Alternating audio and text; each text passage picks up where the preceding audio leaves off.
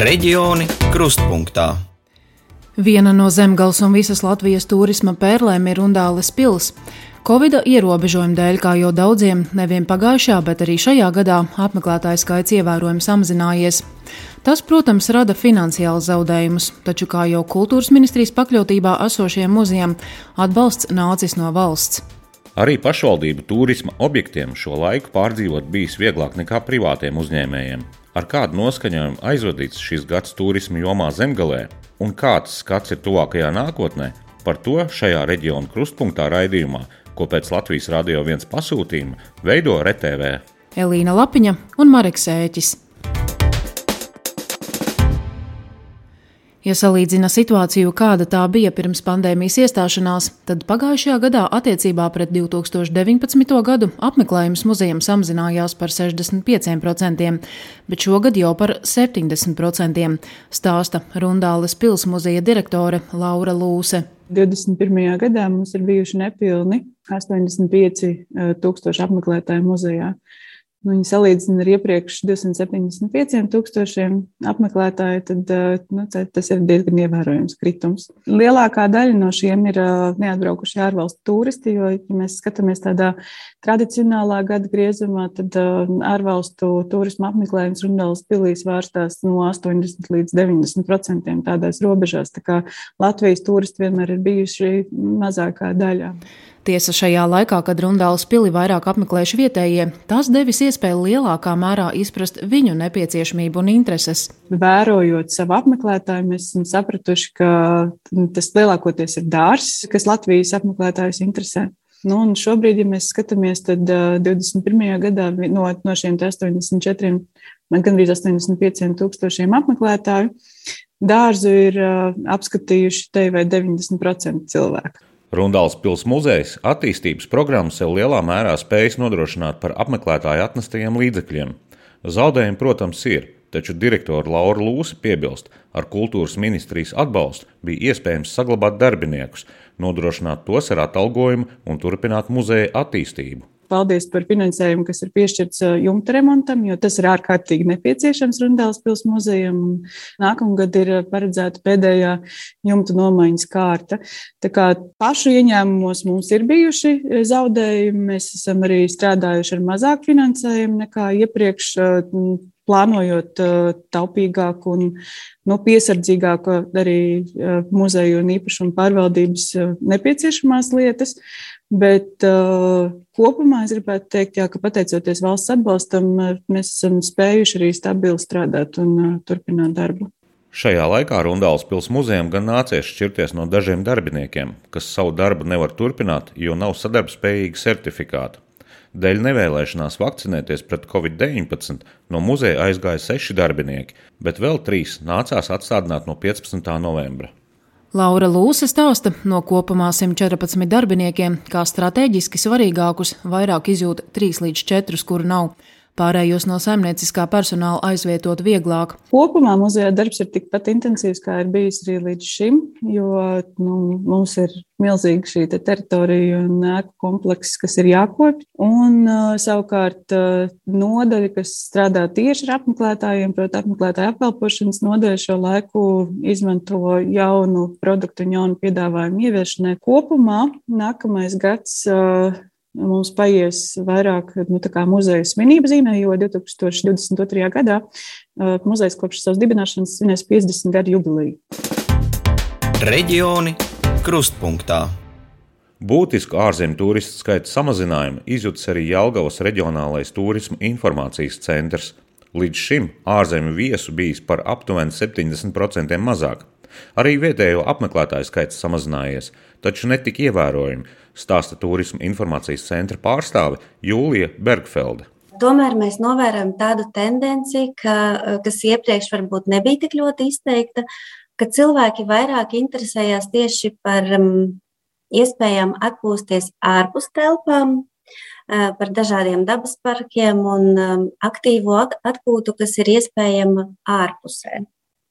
Un, uh, diemžēl jāsaka, ka lielākajai daļai dabas parku un um, tādu dabas uh, pastaigu vietu, uh, protams, nav ieejas maksas, un uh, mēs nevaram redzēt, cik daudz uh, cilvēku ir apmeklējuši kādu noteiktu parku, dabas taku un uh, tā tālāk.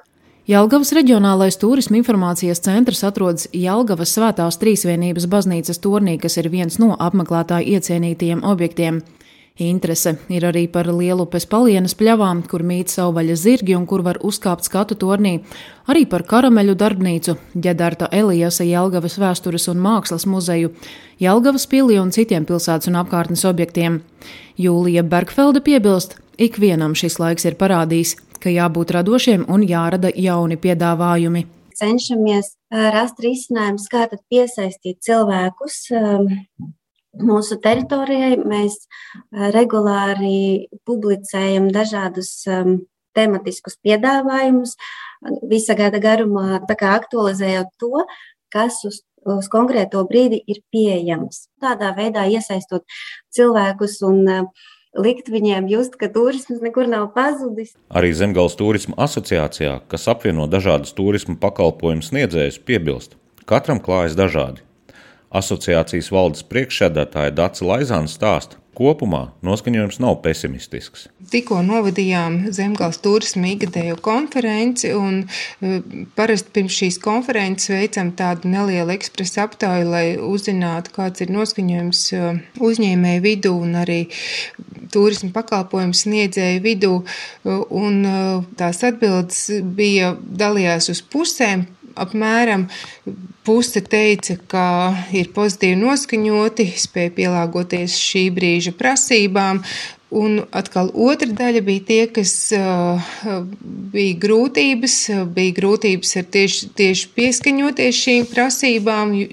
Acīm redzot, uh, ir vai nu telpu ierobežojums vai kaut kādas. Uh, citi šķēršļi, kas, kas e, ir tie pa iemesliem, kāpēc nevar uzņēmējs vai turisma pakalpojums sniedzējs šobrīd strādāt uz pilnu slodzi. Zemgales turisma asociācijas biedru sastāvā ir gan pašvaldību iestādes, gan privātie uzņēmēji, ēdinātāji, naktsmītnes, atpūtas kompleksi, apskates saimniecības un citi, aptverot gan klasisko zemgali, gan vidusdaugavas pusi un sēlijas daļu kamēr apmeklētāju samazinājumu vairāk izjutuši piemēram muzeja un kafejnīcas, labāk klājies naktsmītnēm un atpūtas kompleksiem.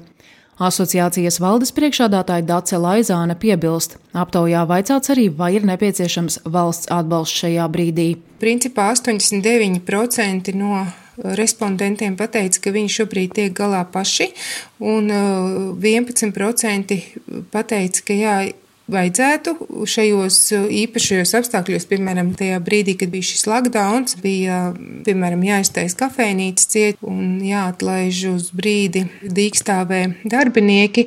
Šajā brīdī kā, uzņēmēji vēlējās, lai ir šis atbalsts. Dacis Laizānis prāt, šis ir laiks, kas uzņēmējiem liek arī apgūt jaunas lietas, piemēram, vairāk sevi prezentēt sociālajos medijos. Ja pirms diviem gadiem mēs varbūt Facebookā uzņēmējs ielika vienreiz vai divreiz mēnesī, varbūt pusgadā kaut kādu ziņu, tad šobrīd lai piesaistītu klientu, tas daudz vairāk ir jādara un tas ir jāapgūst noteikti. Un, un arī šīs zināšanas sadarbībā ar Latvijas Investīcijas attīstības aģentūras uh, turismu departamentu rīkojam uh, seminārus attālināti, kur cilvēks var ie, ie, teiksim, nu, tās vadlīnijas iegūt un saprast, kā ar šiem jaunajiem sociālajiem tīkliem strādāt.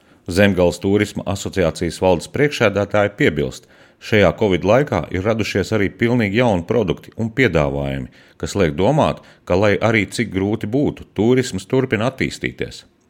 Un saistībā ar novada reformu arī asociācija pielāgojas, izstrādājot jaunu struktūru. Iecer ir katrā jaunajā novadā veidot tādu kā nelielu turismu pārstāvju grupu, kas apzina vajadzības un problēmas, lai jau tālāk var komunicēt ar ekonomikas ministriju un Latvijas investīciju un attīstības aģentūras turismu departamentu. Reģioni krustpunktā. Mazliet citādāk šis Covid laiks pagājis Dobeles novada pētniecības muzejam. Pēc vairāku gadu konservācijas un būvniecības darbiem vien šīs vasaras beigās Dobeles Livonijas ordeņa pilsdrupā sāka darboties multifunkcionāls centrs. Un, lai arī jaunumi vilina, lielas apmeklētāju grupas ierobežojuma dēļ gan izpalika, stāsta muzeja speciāliste Undīna Krūze. Dobels pils drupu formātā ir bijusi gan arī pēdējos 300 gadus. 2018. gadā tur sākās šis mūsdienu projekts.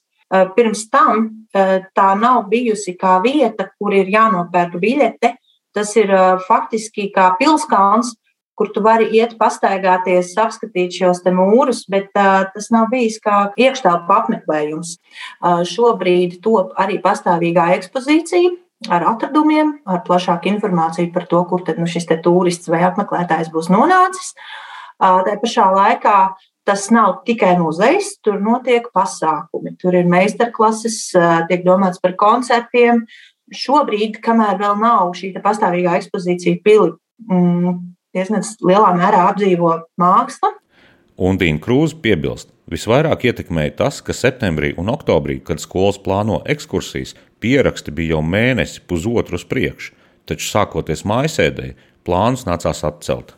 Tas pirmais uzrāviens, kad mēs vispār vērām durvis, tas ir no 28. augusta. Mēs paskatījāmies pusotru mēnesi, tad septembris, oktobra vidus. Mūs apmeklēja divi ar pus tūkstoši cilvēku. Tas ir daudz. Un mums bija tiešām ļoti daudz arī starptautiski turisti. Mēs veicam savu pierakstu par to, no kurienes pie mums cilvēki ir atbraukuši. Nu, tur ir Brazīlija un Austrālija un visi citi tādi. Nu, tiešām arī tālie turisti pie mums brauc. Uh, bet pamatu pamats ir tie, kas mūs apmeklē. Jā, tie ir uh, šī septembra, oktobra sākumā.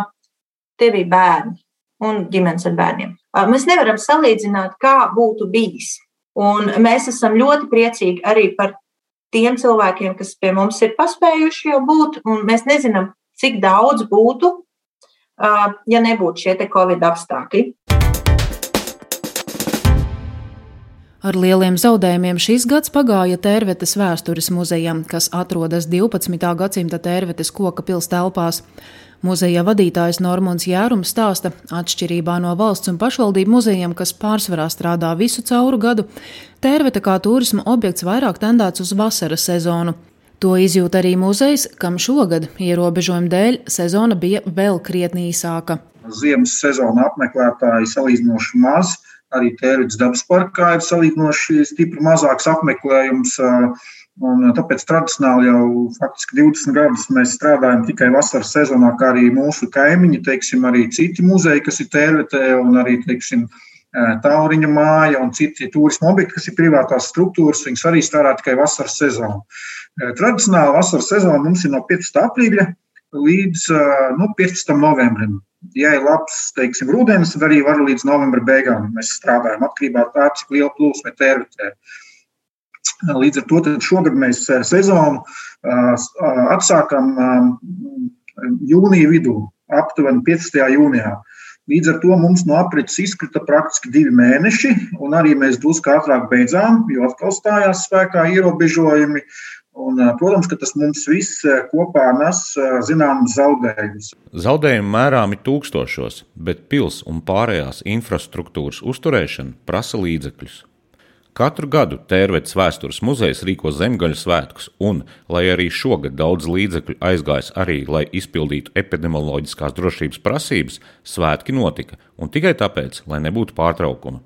Normons Jērums piebilst, ir tikai divi varianti - pārdzīvot šo laiku vai vērties ciet. Protams, ka spēks mums ir, bet tas, protams, nevar turpināties tā nu, ilgtermiņā. Cik es zinu, tad turisma teiksim, jomas pārstāvi, kā muzeji, no valsts atbalstu saņemt nevar.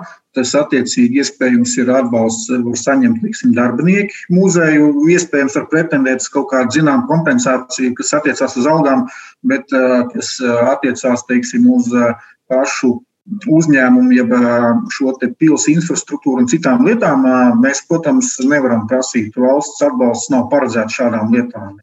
Un privātām struktūrām tas ir manā skatījumā ļoti birokrātiski, ļoti grūti un neiespējami kaut ko no valsts saņemt. Tāds lūk noskaņojums turisma jomā zemgalē. Bet kā šis gads ar zaudējumiem vai iegūmiem pagājis dažādu nozaru uzņēmējiem kurzemē, Par to jau kolēģi vēstīs nākamās nedēļas raidījumā. Visu labu!